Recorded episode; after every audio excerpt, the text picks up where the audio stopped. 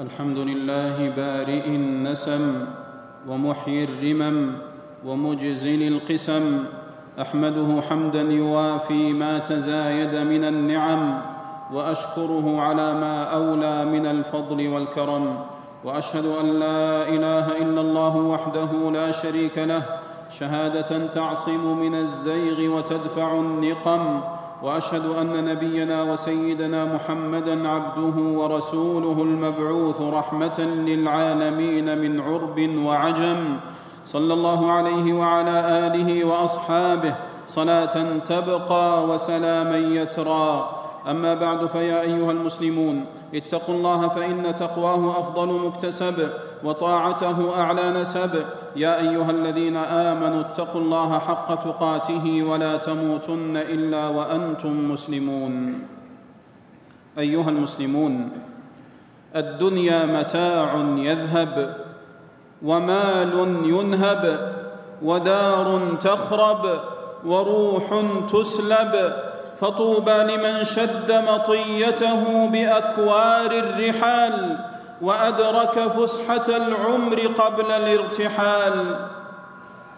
ما زال يلهج بالرحيل وذكره حتى أناخ ببابه الجمال فأصابه مستيقظا متشمرا ذا أهبة لم تلهه الآمال.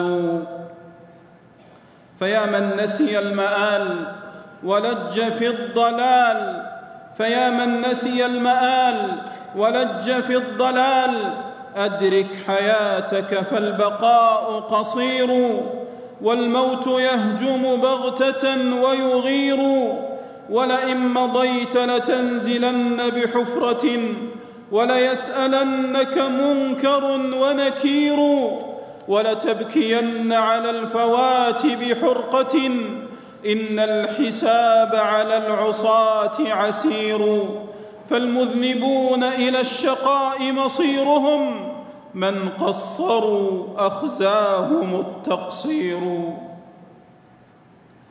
يا من أمسك عن المفطرات في رمضان وراقب المعبودا يا من أمسك عن المفطرات في رمضان وراقب المعبودا يا من قطع الليل تسبيحا وتلاوة وركوعا وسجودا.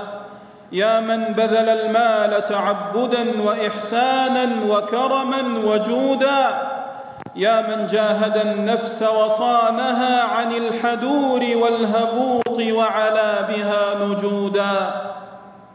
لا تكن ممن عمل صالحا ثم انقطع. لا تكن ممن أعطى قليلا ثم أكدى وامتنع. لا تكن ممن هجر الذنب ثم رجع. يا من كنت إلى الخير ساعيا وعن الشر نائيا وعلى الفقير حانيا وللقرآن تاليا ومن المساجد دانيا. وفي الليل قائما وداعيا مصليا وخاشعا وباكيا لا تعد بعد رمضان عاصيا لا تعد بعد رمضان عاصيا وعلى العباد عاديا وعن الفريضة ساهيا. وبئس العبد من يعبد ربه في رمضان ثم إذا خرج استثقل العبادة. وتسربل بالنقصان بعد الزيادة وأطاع الشياطين والمرادة. يا عبد الله لا تكن ممن رجع على قفاه وخالف جهة ممشاه ونقض ما أحكمت يداه وهدم ما شيده وبناه. يا عبد الله العزيمة العزيمة والثبات الثبات فمن رزق الصريمة والعزيمة أمته الخيرات والبركات ومن منح الثبات نحته الفتوح والهبات لأن العزيمة تأمر بالأنفع والثبات يحمل على الأرفع. قال شداد بن أوس رضي الله عنه قال لي رسول الله صلى الله عليه وسلم يا شداد بن أوس إذا رأيت الناس قد اكتنزوا الذهب والفضة فاكنز هؤلاء الكلمات. اللهم إني أسألك الثبات في الأمر والعزيمة على الرشد وأسألك موجبات رحمتك وعزائم مغفرتك وأسألك شكر نعمتك وحسن عبادتك وأسألك قلبا سليما ولسانا صادقا وأسألك من خير ما تعلم وأعوذ بك من شر ما تعلم وأستغفرك لما تعلم إنك أنت علام الغيوب. أخرجه أحمد والطبراني واللفظ له. فامض بالثبات والعزيمة على حالتك الجميلة وطريقتك المستقيمة وليكن عملك ديمة. فعن علقمة قال سألت أم المؤمنين عائشة رضي الله عنها قلت يا أم المؤمنين كيف كان عمل رسول الله صلى الله عليه وسلم؟ هل كان يخص شيئا من الأيام؟ قالت لا كان عمله ديمة كان عمله ديمة وأيكم يستطيع ما كان رسول الله صلى الله عليه وسلم يستطيع؟ متفق عليه.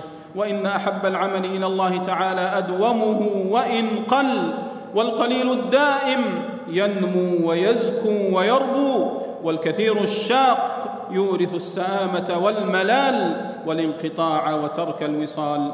اللهم ارزقنا الاستقامة على الطاعات والمسارعة إلى الخيرات والثبات على الحق حتى الممات. يا سميع يا رحيم يا كريم يا مجيب الدعوات.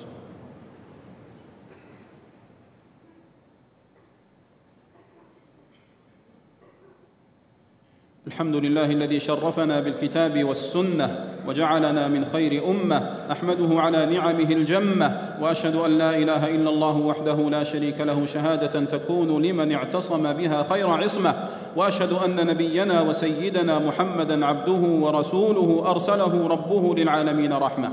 صلى الله عليه وعلى آله وأصحابه. صلاة وسلاما دائمين ممتدين متلازمين إلى يوم الدين.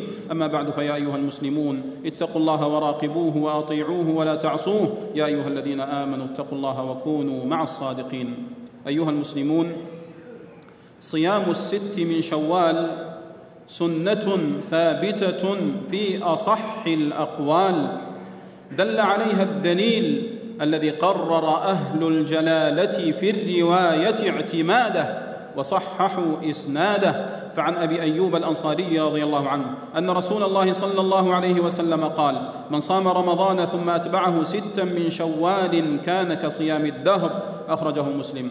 وعن ثوبان رضي الله عنه عن رسول الله صلى الله عليه وسلم أنه قال من صام ستة أيام بعد الفطر كان تمام السنة من جاء بالحسنة فله عشر أمثالها. أخرجه أحمد وابن ماجه. وفي صيام الست من شوال وفي صيام الست من شوال فضيلة عند أولي الإجلال. وصيامها عقيب العيد من المسارعة إلى الخير والمبادرة إلى العبادة. وتحصل فضيلتها بصومها متتابعة أو متفرقة في أول الشهر أو آخره. ولا يصح صيامها بنية التشريك بينها وبين قضاء الفائت من رمضان. لا يصح صيامها بنية التشريك بينها وبين قضاء الفائت من رمضان فمن فعل ذلك لم يسقط بها القضاء. ويحرم اتخاذ ثامن شوال عيدا.